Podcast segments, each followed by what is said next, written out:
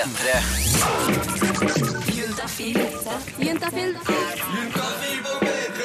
med programleder Tuva Fellmann.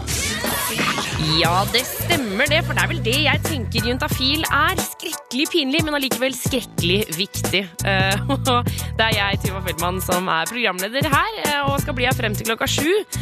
Og i dag, kjære deg, eh, så skal vi snakke om noe som ikke så mange vet om, tror jeg, eh, og som enkelte syns er uhorvelig pinlig å snakke om. Det kan hende at du som sitter foran middagsbordet, skal eh, ja, ja, i hvert fall kanskje Tenk to ganger før du holder radioen på, for vi skal snakke om menskopp. Altså, dette er, altså, Du skal få vite alt om hva det egentlig er, men, men det er altså et alternativ til bind og tamponger som eh, noen altså, virkelig sverger til. De elsker det, mens andre ikke har hørt om engang. Eh, og det skal vi altså gjøre rede for. Eh, vår reporter Karen hun skal teste, eller hun har testet menskoppen, og vi skal høre hvordan det gikk. Og nå skal vi inn i eh, jeg vil si jentenes verden. Eh, For du der ute som er jente, du har sikkert kjent deg igjen at eh, du, altså, det er jordbæruka, og du må på do hele tiden fordi at du må bytte bind eller tampong, det er vanskelig å svømme, det er vanskelig å trene. Masse problemer rundt dette her. Vi har i dag truffet to jenter som sverger til noe helt annet når tante Rød er innom. Første gangen jeg hørte om noen som brukte kopp, så tenkte jeg jo bare æsj. Og seriøst, skal du liksom samle opp blodet i en kopp inni skjeden? Det hørtes bare helt eh, ekkelt ut. Og så tømme det ut og sånn. Æsj, det høres ganske brutalt ut. Hun snakker altså om en mensenkopp. Men hvordan kom man på ideen om å bruke det? For min del så hørte jeg om det første gangen, ironisk nok, på Libresseforumet. Og da, da var det mest det med miljøet som gjorde at jeg ville prøve det. Jeg heter Solfri, jeg er 25 år og bruker mensenkopp. Og det samme gjør 31 år gamle. Trude Sofie? Og de elsker mensenkopp og vil at alle i hele verden skal bruke det. Jeg er litt sånn koppfrelst, liker jeg å kalle det. da. Ja. Mensenkopp er altså en kopp du erstatter med tampongen. Det er akkurat samme prinsipp. Men mensenkopp er laga av plast og skal samle opp blodet i et beger. Eh, Hvis man tar fram håndflata, så er menneskoppen mindre enn sjølve flata i handa di. Den går eh, en størrelse smål, går ifra omtrent fingerrota og til eh, ja, litt over halvveis ned på håndflata.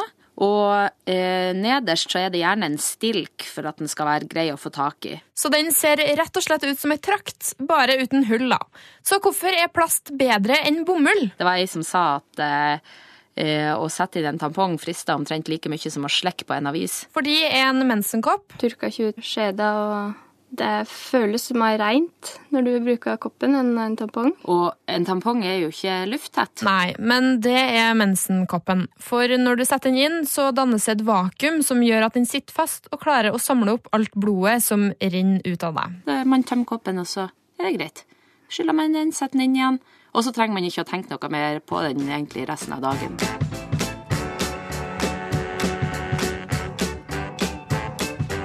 Mensenkopp kom ut på markedet på 1930-tallet, men er langt ifra like kjent som bind eller tampong. Men den varer litt lenger, da. Du kan faktisk ha den samme i ti år. Det er jo mensenkopp og mensbeger, månedsbeger og eh, min personlige favoritt, Gralen. Og som de sier, et kjært barn har mange navn. En gang i måneden så kan man sette den hellige Gralen inn bak forhenget. Ja, eller divakopp, som den også blir kalt. Og selvfølgelig finnes divakoppen i forskjellige farger og fasonger, til og med i glitter. Men man kan jo spørre seg om hva man skal med det. Det kan jo være litt fint å gå rundt og tenke på at her går jeg med glitter i glufsa, og det er det ingen som vet. Der har du det altså. Glitter i glufsa. Eh, straks så skal vi høre hvordan det gikk da vår reporter Karen prøvde denne menskoppen. Så hvis det er noe for deg, så syns jeg du absolutt skal holde deg her på kanalen. P3. P3. Og vi hørte jo nettopp fra to damer som eh, er veldig fornøyde med det som heter mensenkopp. Og det er ikke sikkert at du har hørt om det før, for eh, selv om det altså, det kom jo i 1930 90, så er det allikevel ikke like utbredt som da f.eks. bind og tamponger. Vi sendte vår reporter Karen Setten til å prøve denne koppen.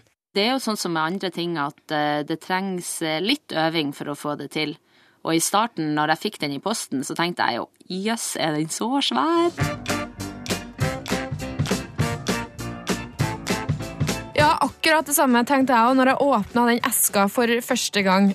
Jeg har aldri prøvd mensenkopp før, men siden de skryter så forferdelig mye, så må jeg jo nesten prøve det. Jeg låser døra, åpner eska og ja, skjønner med en gang hva jeg begir meg ut på. Jeg føler meg litt som en fjortis som aldri har sett en tampong før, og står der og bare Herregud, skal jeg ha den her inni fitta mi? Men seriøst, suck it up. Jeg må bare gjennomføre det, og jeg skal klare det. Så ifølge bruksanvisninga så står det at man skal koke den før man setter den inn, fordi den skal bli rein. Og så var det bare å gjøre det, da.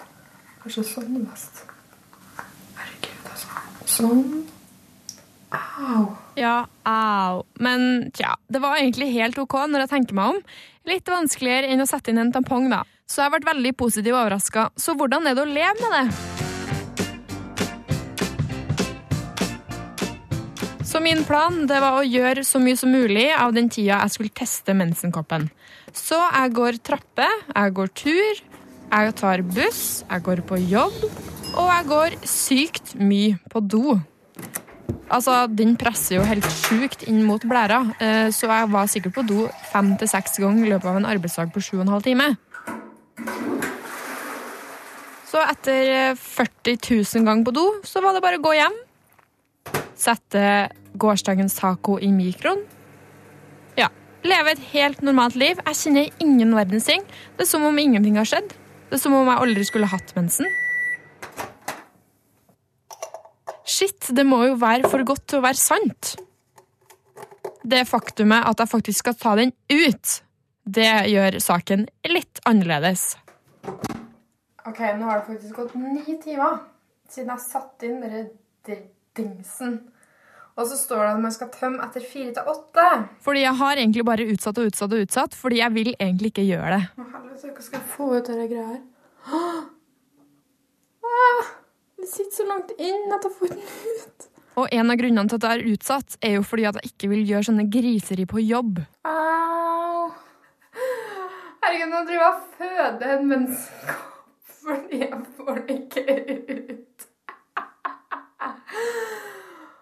Å, gud. ja, som du hører, det ble litt fødestemning i heimen. Au! Å, fy faen. Æsj! Jeg fikk den ut, da. Ja, takk og pris for det. Det var på et tidspunkt der jeg vurderte å tilkalle hjelp. Sånn helt seriøst. Jeg vil ikke mer.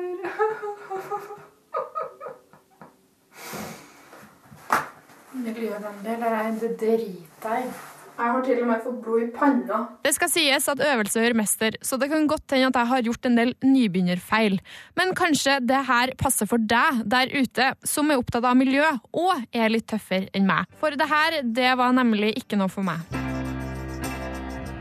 Ja, så her er det altså bare å utforske om du er keen. Reporter her var Karen Setten, eh, og du hører selvfølgelig på Juntafil på P3. Jeg tror ikke at det er noe spørsmål nå, for det er vel ingen andre som, som snakker om menskopp, da. Jeg skal få ut et bilde av denne koppen ja, på eh, Facebook-sida til Juntafil, så kan du se hvordan den ser ut. Eh, sjekk ut facebook.com skråstrek juntafil. P3. P3. Vi i Juntafil er nå så heldige å ha fått besøk av Kristine, vår syslege. Velkommen inn i studio, Kristine. Tusen takk, Tuva. Du, eh, du er her i dag for å svare på litt eh, spørsmål som har kommet til Juntafil eh, tidligere, og det er altså flust å ta av. Skal vi bare sette i gang? Er du klar? Kjør på. Eh, her står det Hei, Juntafil. Jeg er bekymra for kjæresten min. Hun går på p-piller, eh, men sier ofte at hun glemmer pilla. Kan hun bli gravid da? Jeg har hørt det er forskjell på pillene. Disse heter noe på mikro eller noe sånt noe. Hilsen gutt 24. Det er kjempefint at han sender inn melding når han er bekymret for kjæresten. Og for han har litt grunn til bekymring her. Ja, altså, jeg, jeg skjønner jo det hvis hun hele tiden sier sånn 'Å, herregud, jeg har glemt pilla', 'Å, herregud, jeg har glemt pilla', så bare er det noe prevensjon her? Jeg skjønner ikke. Ja, fordi p-piller er et veldig godt eh, alternativ som prevensjon, så lenge man husker å ta pillen. Ja, fordi hvis Altså, hvordan er det nå med glemming? Altså, hvordan Når, når Hvor ofte kan man glemme? Hva, hva Altså En pille er glemt hvis den tas mer enn 36 timer etter den forrige pillen du tok. Ok. Altså, hvis du til vanligvis tar det på mandag klokka åtte om morgenen, Mm. så må du ta den neste pilen innen tirsdag 20.00. Ja, nettopp. Og hvis du klarer å få til det innen da, så er det greit? Ja, da regnes den ikke som glemt. Ok! Man har liksom tolv timers slingringsmonn. Ja, nettopp. Men skal man ta, ta altså på tirsdag skal man da skal ta to piller, eller bare én av de? Hvis man har glemt én pille, Mm. så, tar man to, så tar man den man glemte så fort man husker på, og den neste til riktig tid. Ja, nettopp. Eh, Så da kan det jo bli to samtidig, da. Men hvis du da, eh, si igjen, eh, du pleier å ta mandag klokka åtte om morgenen, og så tirsdag klokka åtte om morgenen, så glemmer du det der også, men kommer på det klokka sju på kvelden, kan, da kan du også ta to stykker, liksom? Ja, da, nå forstår jeg ikke helt hva du mente. Nei, for da går det jo over et døgn. Uh, hvis du ikke, du, ikke sant? For du sa du må ta den innen 36 timer. Ja, Uh, men imellom der så kommer jo også den andre pilla, hvis du skjønner hva jeg mener. Ja. Tirsdagspilla. ja hvis du glemte mandagspilla, Mm. og så kommer på tirsdagspilla på kvelden på tirsdag, Ja. så tar du to. Ja, da bare bare smekk, smekk. Yes. Ok, og, Men hvor mange ganger i måneden kan man gjøre dette her, da? Det kan man eh, Altså, det kommer litt an på da hvilke piller eh, man bruker. Ja. Og altså det med innen 36 timer, da kan, det kan du gjøre flere ganger i løpet av en måned. Å, kan man det? Ja. Så lenge du tar det innen 36. Å, Mhm. jeg trodde det var noen hvor de ikke kunne glemme noen ting. Det er ikke så lenge du tar det innen Ceracet. Det eneste unntaket, det er en, den eldste minipillen som heter Conludag. Den, den gjelder ikke den regelen for, men den brukes veldig lite nå. Ja. Nettopp av den grunn. Ja, nettopp. Men så i tillegg så er det sånn at man kan faktisk glemme noen p-piller per brett og fortsatt være beskytta. Ja. Men er det, derfor er det veldig fint at Gutt24 da sier at de heter noe på mikro et eller annet, fordi da regner jeg med at det er mikrogynon han regner, mm -hmm. mener. Og da kan man glemme to piller på et brett og fortsatt være beskyttet. Ok!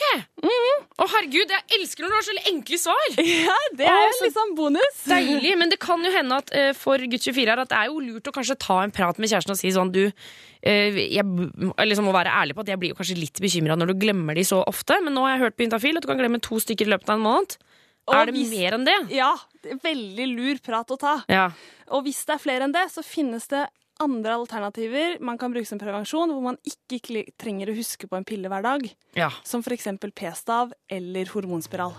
Eh, gutt 24, ta en prat med dama di, eh, og så håper vi at dette her går i orden. Vår syslege Kristine er fortsatt på plass i studio og svarer på spørsmål som har kommet inn til Juntafil tidligere. Eh, for du, altså Kristine, du, du er akkurat som et liksom sånn eh, et, et skap med vitenskap om kjønnssykdommer og sånn. Du er som en sånn skuff som man bare kan åpne, og så ligger alt sammen der. Ja, det er jo hyggelig å være det. Eller føler du deg litt sånn brukt når jeg sier det på den måten? Nei, Kanskje litt, da. Nei, men det er veldig hyggelig å kunne bidra med det man kan. Ja, det er veldig fint. Um, vi skal svare på et spørsmål her fra jente 19, hvor det står Juntafil. For noen måneder siden så lå jeg med en fyr som ga meg klamydia. Jeg tok medisinene. Vet ikke om han gjorde det, men han visste i hvert fall at han hadde gitt det til meg. Men nå har en annen jente jeg kjenner, ligget med han. Burde jeg si fra til henne? Hilsen jente 19. Så hun har altså ligget med eh, Ole, eh, og Ole ga henne klamydia, men nå har Karina, hennes venninne, ligget med Ole også. Nettopp. Så ja, altså er det For det første, skal vi ta det litt sånn, rettsmessig her? Er det noe lov om at hun må si fra? Eh, hun må ikke si fra til Karina. Nei. Nei. Og hun og Ole har jo snakket om dette tidligere. Hun og Ole har jo snakket om dette tidligere, men hvis Ole ikke har behandlet seg og vet at han har klamydia, Mm. så må han si fra til Karina. Ikke sant, for det, er- det er han som sitter på ansvaret her. Ja. Men, eh, men ok, så det er liksom det, det, det seriøse, da. Men, men jeg tenker sånn som venninne, burde man kanskje ikke si fra, eller? Det kommer jo litt an på hva slags forhold de har seg imellom, da. Ja. Hun skriver jo at det er en jente jeg kjenner. Eh, hvor godt kjenner innsenderen Karina, egentlig? Ja. De vet jo allikevel at de har ligget med samme fyr, så jeg tenker Ja. sånn noe prat må de ha gjort, da, med mindre det er rykter. Jeg tenker at eh, det er jo en real ting å si fra. Ja, også hvis, hvis denne Ole Nei, det ikke jeg vet ikke hva han heter, men altså, hvis denne Ole driver og ligger rundt, så kan det jo hende at eh, Karina også har lyst til å vite om dette. Altså, eh, altså at man tar det på en måte ut i det åpne her. Men igjen, der blir det veldig sånn hvor godt kjenner man hverandre. Og, Ja. altså, man vil jo ikke risikere å ødelegge noe vennskap eller noe sånt heller. Nei, det er sant. Um, men tenk hvis hun Karina blir gående med klamydia, da! så blir hun steril eller noe sånt. Vi kan jo håpe at Ole og Karina brukte kondom. Ja, Det er jo lov å håpe på det. Jeg liker at vi sier at vi bare konkluderte med at det ikke ble brukt, Ja. men eh, det, det har du jo helt rett i. Nei, Eller at Ole faktisk behandlet seg. Ja. Eller at han har sagt fra. Ja, nettopp. Så eh, OK, jente 19. Det er ikke noe sånn eh, Altså, eh, ifølge loven så har du ikke noe med dette her å gjøre. Men og, og kanskje heller ikke som venninne? Eller i hvert fall som bekjent. Man må kjenne litt på det, tror jeg. Ja. SUS-legen anbefaler i hvert fall å si fra. ja, du anbefaler å si fra? Ja, men, eh, men jeg anbefaler alle å si fra. Ja, ok. så, så hvis det hadde vært deg, så er det ikke sikkert du hadde gjort det? Det vet jeg ikke om jeg vil svare på. Nei, jeg nå presser jeg deg utafor komfortens grenser her. Eh, vi får bare si masse lykke til, eh, jente 19, og her må det nok eh, rett og slett gå litt med magefølelsen, altså. P3. P3. Vi har fortsatt syslege eh, Kristine på besøk her i studio, og du svarer jo på SMS-er som jeg har fått inn tidligere til Juntafil, Kristine. Ja. Du, du har jo jobba med dette her lenge, i tillegg til å jobbe på Olafia-klinikken. ja. Eh, altså, blir du noen gang sjokkert? Veldig sjeldent, egentlig. Er det sant? Ja, nå tror jeg jeg har hørt det meste. Oh, ja. Så du er sånn herda?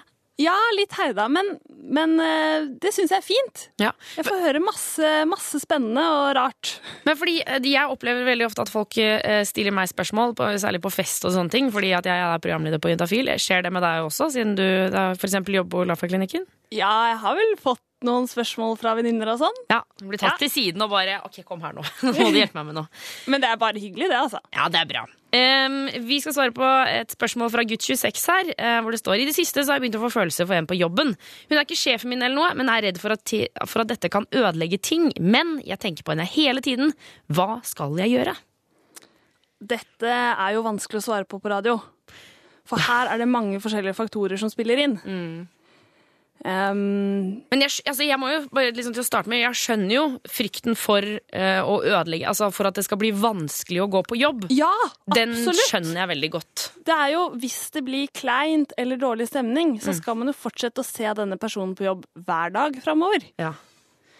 Samtidig så kan det jo bli veldig fint, da. Kan hende de er perfekte for hverandre. Ikke sant? Og det trenger jo ikke okay, men Kanskje det går an å ikke liksom eh, prøve seg på julebordet klokka halv tre, hvor du liksom eh, eh, har lyst til å prøve å ligge med henne på doen eller noe. Altså sånn, liksom, kanskje heller prøve litt sånn roligere ting. Eh, Ja, Og så kanskje føle seg litt fram. Litt eh, saktere enn man ville gjort ellers, eh, for å se om det er noe respons. og hvis det er respons, da boom, boom, boom! Bare Ja. kjør på. Men, eh, men ja, kanskje fiske litt mer forsiktig. Ja, Så, eh, Altså, jeg sy- sier jo alltid at jeg syns man skal være liksom, litt sånn artig på sånne der fellesmailer og sånn, ja. Eh, For da blir, blir man i hvert fall lagt merke til. ja. Hvis man er en morsom type, så syns jeg det, det synes jeg er et kjempegodt tips. ja er, da vet vi hva du liker, Tuva. Nå plutselig så kommer det masse fellesmailer. Eller jeg sender en masse fellesmailer. Um, men eh, OK, så uh, her må vi bare uh, bremse kanskje litt ekstra, da. Altså Skal vi konkludere med det? ja, så Han må i hvert fall tenke seg litt om. Eh, fordi hvis det ikke går som planlagt, så må man jo fortsatt forholde seg til denne personen framover. Men samtidig, altså, dette er en fyr på 26 år. Du skal jo bytte jobb 30 000 ganger til, mest sannsynlig. da. Ja, helt, helt sant, Tuva. Og det kan godt være at dette er en deltidsjobb et eller annet sted mens han studerer, eller Ikke sant? No, altså det ikke er noe permanent eller langvarig. Og, så, og tenk om det er kvinne i ditt liv, liksom! Ja, kan være. Og hvis man bare holder tilbake og aldri prøver seg, så får man aldri vite heller. Nei. Og det er derfor disse spørsmålene er så vanskelig å svare på Ja. radio. Jeg elsker at vi liksom eh, overtaler hverandre over på hver side hele tiden.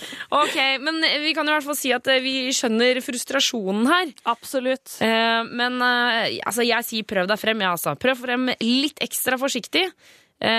Og kanskje pass på å ikke være full når du gjør det. Ikke Ja. gjør det på julebord eller på liksom, jobbpilsen Kanskje på første jobbhilsen, men ikke på åttende. Ja, det stemmer. Du hører på Juntafil, og vi har jo som vane til å svare på folk sine spørsmål. Og i dag så er det vår syslege Kristine som svarer. Hvordan går det, Kristine? Det går veldig bra. Ja. Eh, og vi svarer på spørsmål som har kommet inn tidligere til Juntafil i dag. Og det neste spørsmålet er jo eh, ganske sånn eh, Jeg vil si rett på. Her står det 'smitter kjønnssykdommer gjennom oralsex'.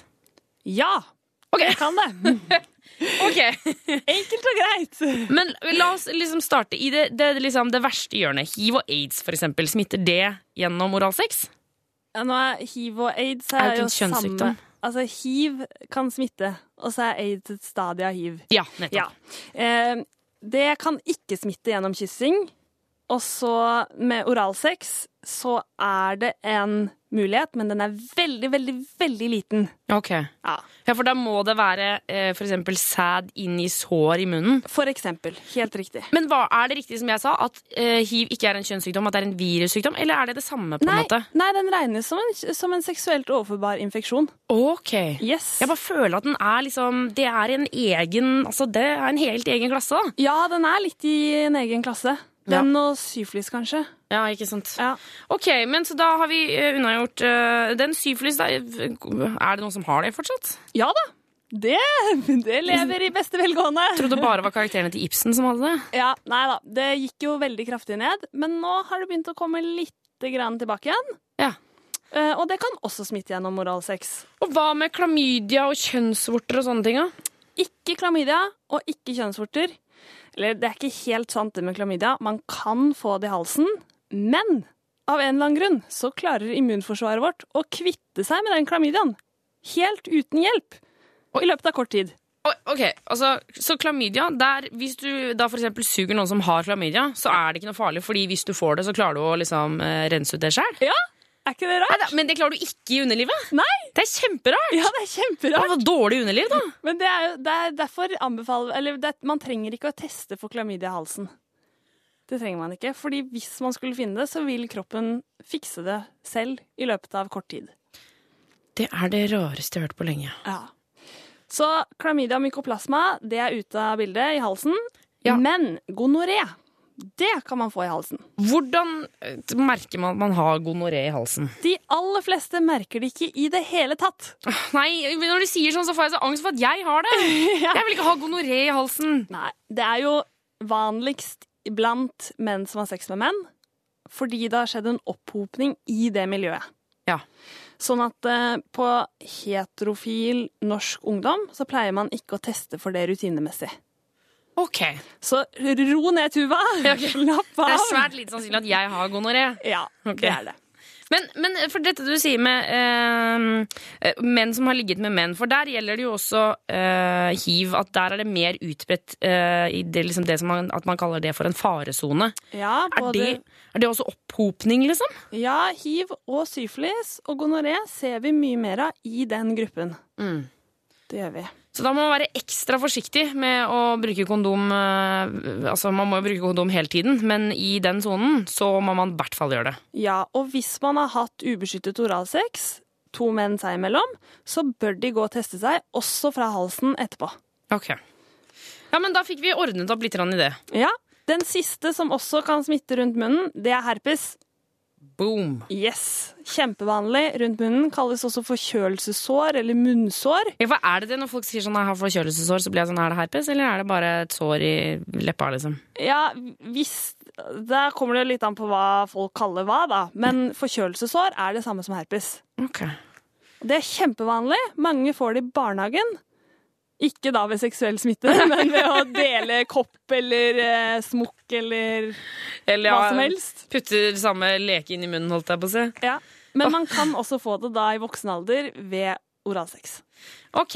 Nå følte jeg at jeg ble klokere. Ja, men så bra. Takk skal du ha. Bare hyggelig. P3. P3. Og nå skal vi, eh, som jeg sa i stad, inn i strippeverden. For vi følger eh, Charlie og Marius, som er profesjonelle strippere, og får altså virkelig sånn innsyn i, eh, i hvordan det er å, å jobbe med det å ta av seg klærne foran andre mennesker. Eh, og jeg tenker jo i mitt stille sinn, eller det blir jo ikke så stille sinn jeg sier her på radioen, at det må jo, man må jo treffe på mye rare folk, og man får liksom få litt sånn kanskje merkelige opplevelser, da. Ok. Jeg heter Charlie, Jeg heter Marius. og vi er- er strippere. Jeg heter Charlie, Og jeg heter Marius. og vi er strippere.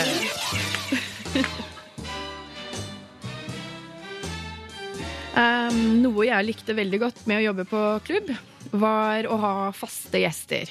At du får liksom regulars, da. Eh, Folk som kommer inn for å tilbringe tid og penger ja, på deg. Og jeg hadde en gjest som kom innom, og jeg er jo litt rock'n'roll av meg, jeg vet du, så uh, han var en lydtekniker eller noe sånt, som var veldig glad i uh, norsk rock.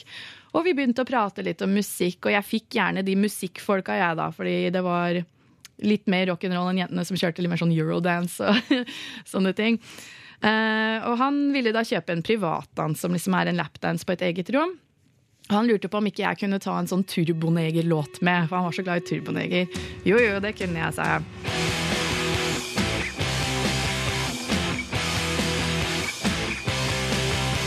Og så var vi der inne, og så var jeg litt brisen. Eh, Det går mye champagne på strippeklubber. Og eh, så kjører jeg, pleier å kjøre liksom to litt lange sanger da, mens i privaten. Første sang kjørte jeg liksom vanlig lapdance. Og så andre låta, som var Turboneger-låta, begynte jeg å spille luftgitar liksom mens jeg kledde av meg. Så til slutt så sto jeg bare naken og spilte luftgitar.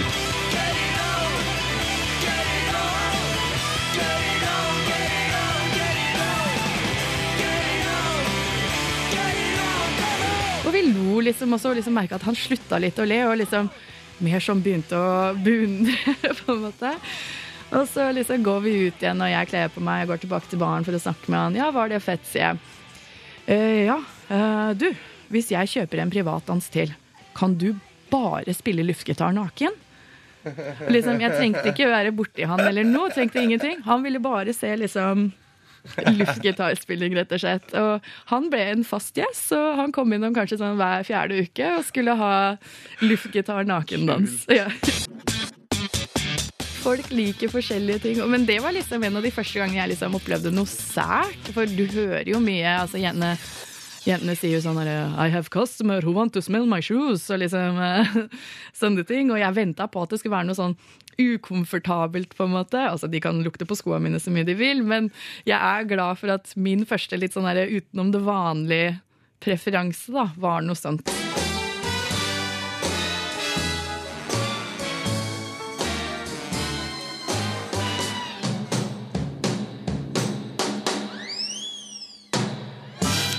Yes da, Hvis du har lyst til å høre mer fra Charlie og Marius, så går du inn på radio.nrk.no, så finner du det i våre tidligere sendinger eh, med da disse stripperne som vi følger i Juntafil. Reporter her var Jonas Jeremiassen Tomter. P3. P3. Eh, Tidligere i sendinga så snakka vi jo om mensenkopp. Det ble jo selvfølgelig ganske jentefokus, så jeg tenkte at vi skulle ta det litt over på gutta. Eh, Vår tidligere reporter Marie Kinge hun eh, hadde en, en dag på jobb hvor hun eh, plutselig ble så opptatt av forhud. For hun ble litt sånn Jeg skjønner ikke, jeg skjønner ikke noe av det. Jeg skjønner ikke hva den brukes til, hvordan det er, og, og hvorfor man skal ha det. Og hva skjer når man f.eks. omskjæres. Så hun eh, satte seg ned og ja, eller altså, fant rett og slett ut av det. da. Oh, you're. It's. Uncircumcised. Is that okay? No. Sure. Of course it is. Forhuden. Denne merkelige løse huden ytterst på penisen, som hos mange fjernes tidlig i livet. Selv så skjønner jeg ikke helt hva den er til. Trenger man den egentlig i det hele tatt? For å finne ut mer om forhud og omskjæring snakket jeg med Jeg heter Afselin Lindstrand og jobber på Oslo medisinske senter. Eh, Jeg er med på å assistere omskjæringer hos en eh, kirurg. Vi sitter inne i et lite hvitt rom med plakater av menneskekropper på veggene, og jeg har fått med meg plastposer på beina. Og først og fremst, hvorfor har gutter forhud? Ja, du, det er et veldig godt spørsmål. Jeg tror nok det har en funksjon. For forhuden gir både glede og ulempe, men da er det igjen på en måte opp til folk å bedømme om hvor mye glede de vil ha av det, eller ulempe av det. Man har en blindtarm, av og til gir den betennelse. Sånn er det med forhuden. Av og til så gir den problemer også. Men hvorfor velger noen å fjerne forhuden? Det er jo historisk. da. Noen ville ha det for hygieniske årsaker, også noen av religiøse årsaker, noen tradisjonelle årsaker. Og eh, noen syns det er eh, Noen får ha trang forhud, som gir masse problemer. Noen har problemer når de har samleie, at det, og da mister de mye glede. Mange velger altså å omskjære seg pga. trang forhud, eller spansk krage, som de kaller det på fagspråket. Trang forhud innebærer at huden er ikke like løs, like åpen helt ved enden, på en måte. Som, og så blir det Så kommer ikke hodet liksom fram på en måte når du trekker hud, forhuden bakover. Så kommer ikke det fram som den skal. Det er faktisk mer vanlig enn enn det man tror. Det er ikke så uvanlig. Og eh, jeg hadde en kar på 59. Han hadde venta ganske lenge i livet sitt. Og det er alle sjangere av mennesker. Det er advokater, leger, ingeniører, vanlig mann på gata, alle sammen. Det er tre-fire i uka, faktisk, som har uh, omskjæring. Og noen foretar inngrepet bare fordi de vil ha det liksom pent. De syns det er pent. Men hvor mye hud er det man fjerner? Ja, Det er to forskjellige operasjoner. Liksom, det kommer an på hvor problemet sitter i forhuden. Den kan sitte sånn en centimeter bakpå. Doktor Afzal forteller at om man har forhud som er litt trang ytterst, kan det holde med et snitt i forhuden, men ellers må man fjerne en større del. De føler seg en lettelse. Når de har vært der og fått utført det, så er problemet ofte løst. Kan jeg få se på noen av de instrumentene dere bruker? Ja, da må du inn, bli med inn på operasjonsrom, Okay. og uh, der er det tanks ting skal være sterilt og rent. Ja. Og så skal vi gå bortover der. Ja. Ja. Så vi skal altså bli med Marie inn på operasjonsrommet hvor gutter omskjæres. Det blir straks her på Juntafil på P3. P3. P3. Eh, og eh, Marie Kinge, vår tidligere reporter, hun var litt interessert i dette med omskjæring, eh, og pakka derfor snippveska og dro til det store rommet der hvor alt skjer. Nå er jeg på operasjonsrommet. Ja. Jeg er med doktor Afzal inn på rommet der de utfører omskjæringer. Og det er et hvitt og sterilt rom hvor det lukter antibac og papir. Og midt i rommet står det en operasjonsbenk. Og har du sånn. På en skuff i hjørnet står det 'omskjæring' med store bokstaver. Det er der alt utstyret ligger. Grønt papir med sånn steriliseringsteip som forteller at det er sterilt. Det er en pinsett. Ja. Det er en nålholder, og det er en arteriepinsett. Og så har du en saks. Og så har du en skalpell der borte. Hvordan pleier folk å reagere når de ligger her? Pleier de å være stressa? Ja. De er stressa, men så er det sånn at vi bruker tid. Ok, da, Når de er med på dette her, så, så er det greit. Man tar bedøvelse, og så tar man på hver sin kant to sånne. Doktor Afzal holder opp metallinstrumentene, og jeg må innrømme at jeg får litt frysninger på ryggen av å tenke på at de skal skjære i veldig sensitive områder på kroppen. Og så skjærer den rundt pent, liksom som det skal være. Og så fjerner man den forhuden veldig enkelt med denne skalpellen. Og eh, så sier man det igjen. Men hva sier man? Jeg skjønner ikke helt hva man sier. Man sier forhuden som er liksom helt ved enden. Hvor lang tid pleier det å ta det? Ja, Ca. 25 minutter, 30 minutter. Men hvordan ser man ut etter operasjonen? Det ser ikke så veldig fint ut. Det er veldig greit å si det med en gang. Det ser ikke pent ut, og det bruker vi å si til pasientene liksom før. Det vil ikke se pent ut. Det tar opptil 14 dager før såret gror, og så kan det ta opptil eh, faktisk en måned eller to før alt er helt fint. Mm, Hvor lang tid er det før man kan begynne å bruke den igjen? holdt jeg på å si? Ja, bruken, det er flere bruksområder der. ja, men du tenker på å bruke, bruke den igjen, så det kan det avhenge av person til person. Liksom Når såret er grodd, når stingene er falt av, så kan man bruke den igjen. Men mange lurer jo på blir man mindre sensitiv av å omskjære seg? Nei, det gjør man ikke. For man fjerner ikke alt av forhuden hvor har følelser. Man fjerner akkurat det som er nødvendig, det som lager problemer hos folk. Man fjerner akkurat det som er nødvendig, og ikke mer. Altså Nå skal det sies at folk faktisk har rapportert å bli mindre følsom i penishodet etter å ha omskjært seg. Det er ikke doktor Afzal helt enig i. Fysisk så er det det at da endrer utseendet. Det er liksom det fysiske endringen. Utseendet blir annerledes enn at liksom du har en forhud som henger over, en som forhud som ikke er der. Og eh, ut fra det, så, utenom det så er ikke det noen store følger. Men det er veldig, veldig renslig. Det er mange som gir tilbake, men det er veldig renslig, for da forsvinner alle bakteriene som samler seg opp igjen. Og det er en veldig stor ting for mange. Eh, Det kan virke skummelt, men det er det ikke. Det er det ikke. Og det beste er å bare å snakke om det og, og beskrive problemet godt nok. Og så, selv om du har fått råd av legen, OK, gjør dette her, prøv med krem, forskjellige ting, så ta gjerne kontakt med legen tilbake og, og spør om det er mulig å gjøre noe med det. For da kan han henvise deg til sykehuset for å få det gjort offentlig. For da, det er et problem som virkelig plager dem. Reporter her var Marie Kinge. Vi har fortsatt besøk av syslege Kristine, som svarer på SMS-er som har kommet inn tidligere til Juntafil i år. Eh, For det, det kommer jo, altså Folk lurer jo på mye, Kristine. Og de lurer på så mye forskjellig. Ja, og jeg syns det er så deilig at, vi kan, at du kan gi svar. Nå sa jeg vi, men det er ikke sant. At du kan svare. Ja, Du er ganske flink til å svare, du òg da, Tuva. Ja, men jeg har ikke noe kompetanse for det, så det er bra at du kan, du kan passe på litt. Em, vi har fått inn en, eh, en eh, Det skal komme til en eh, melding fra Mann23, hvor det står dette er kanskje ikke juntafiland, men prøver likevel. Når bør man egentlig sjekke føflekker? Jeg har en som har vokst litt i det siste. Den har bredt seg utover, liksom. Hilsen Mann23. Så utrolig bra, mann 23. Dette, dette er fint at vi kan snakke litt om. Fordi føflekker, det har jo alle. Altså, ja, og jeg får mer på sommeren, for eksempel. Er det farlig? Nei. Vanlig. Vanlig. Vanlig. Yes. Det man skal være obs på, det er akkurat sånn som mann 23 sier her, det er når de forandrer seg. Hvis de endrer seg fra sånn som de har vært lenge, Ja. da kan det være lurt å ta en sjekk. Og det er både liksom det å brette seg utover, men også i høyde og farge og sånne ting, eller? Ja, helt, helt riktig. Så er det sånn om de er eh, symmetriske, om fargen er jevn over det hele. Det er flere ting man ser på, da. Mm. Men altså, da får jeg litt sånn, da kjenner jeg at jeg får litt angst. Fordi jeg har jo eh, føflekker på ryggen, for eksempel. Jeg har jo, altså, det er jo mye tuva her. Så det er mange, altså, hvordan skal jeg klare å holde oversikten på alle føflekkene? Nei, det blir jo veldig vanskelig hvis man skal Jeg må tegne sånn kart, da. da Ja. Føflekkdagbok. Ja. Som jeg kan ha med overalt. Og fylle ut. Det blir jo kanskje litt overkill. Altså, da kommer jeg til å bli psykotisk. Jeg kommer Ja. til å bli klin gæren. Ja, det er viktig at man, ikke, at man ikke får en angst for det med farlige føflekker. Nei. Det er, eh, det er bra at du tar opp det. Men hvis man liksom legger merke til det uten at man egentlig ser så nøye etter hele tiden, men hvis man liksom stusser over en føflekk eller noe sånt, så skader det ikke å ta en tur til fastlegen og bare få sjekka den. Ja, ikke sant.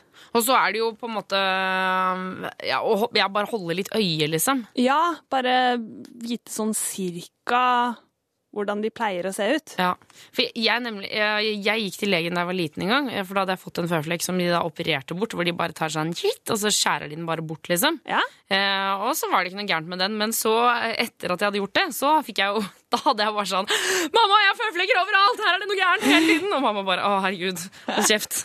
Gå og legg deg. Så må, må bare ta det med liksom eh, Bare være litt sånn eh, påpasselig, men ikke helt fanatisk. Ja, for det er jo lett, sånn som du sier, å bli veldig stressa over det. Ja. Og da er det godt å huske på at eh, de aller, aller, aller fleste føflekkene som sendes inn, er helt ufarlige. Men for, det har vi glemt å si. Hva er det som er farlig med de andre? De andre kan jo være det som heter malignt melanom. Hva er det? De som, den farligste hudkreften. Ja, nettopp. Da får man litt sånn rare, eller kan få litt sånn rare, rare føflekker da, som man legger merke til, og går og sjekker. Ja. Ok, eh, gutt eh, eller mann 23. Det kan jo hende eh, Pust med magen, men hvis, den, hvis det er noe utvikling eller endring her, så er det lurt å ta en tur til legen. Juntafil svarer på dine spørsmål.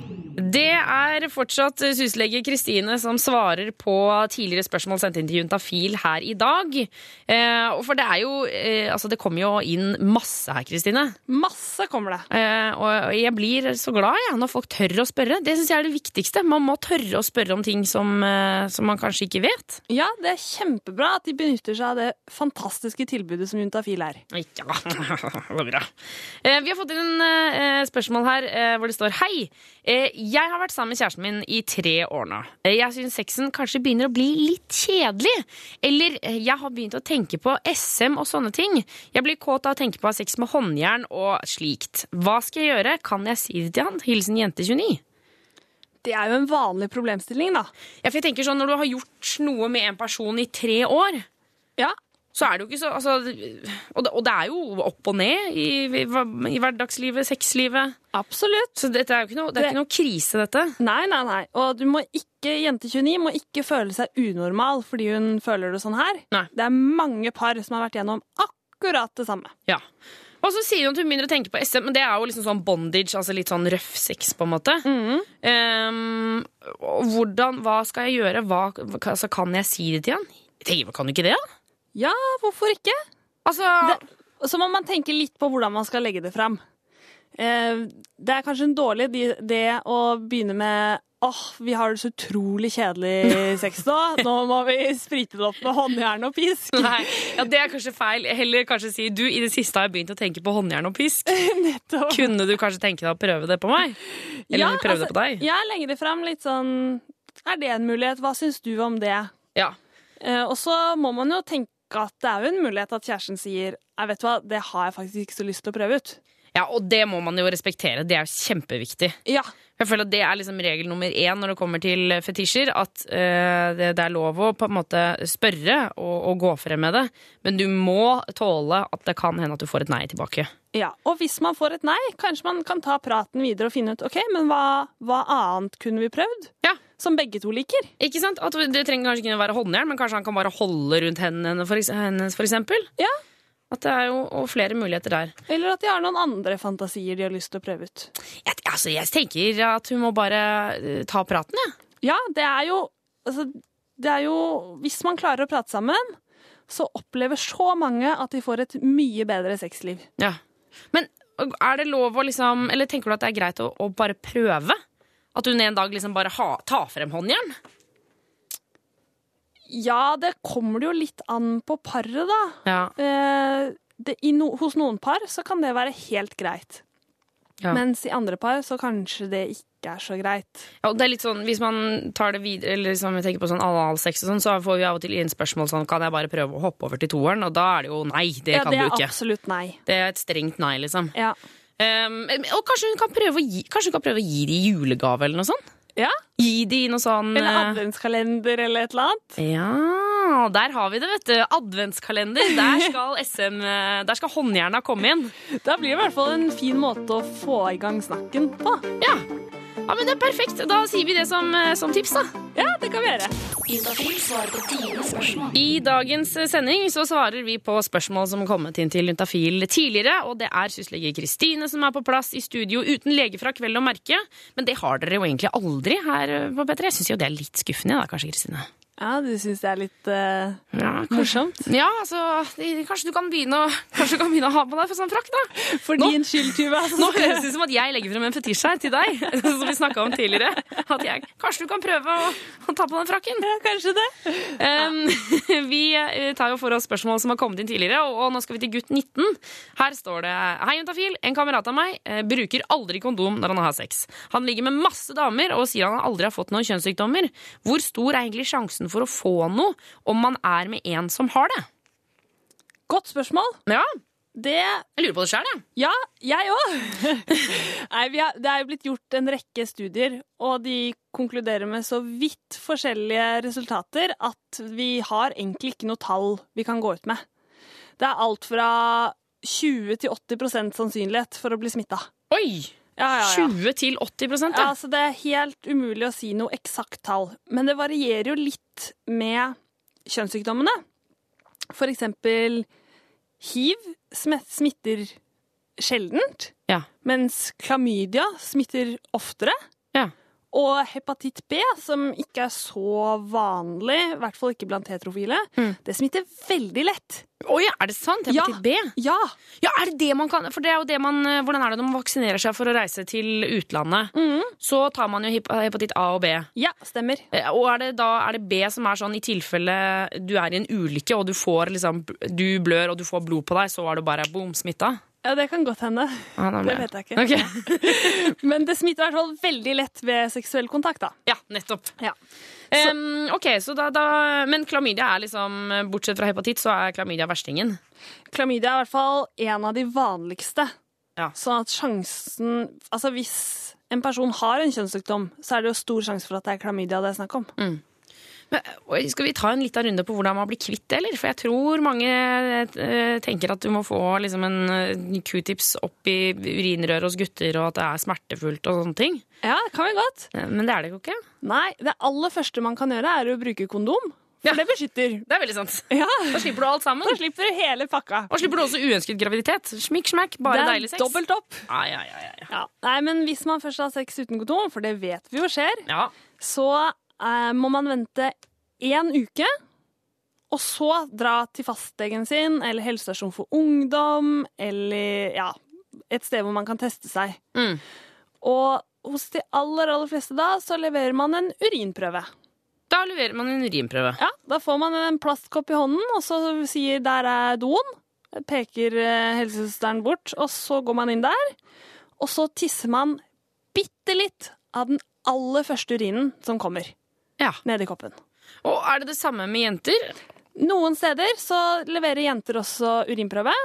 Og så noen steder får de med seg en liten sånn q-tips-lignende sak. Som de bare stikker opp i skjeden, akkurat som om de skulle satt inn en tampong.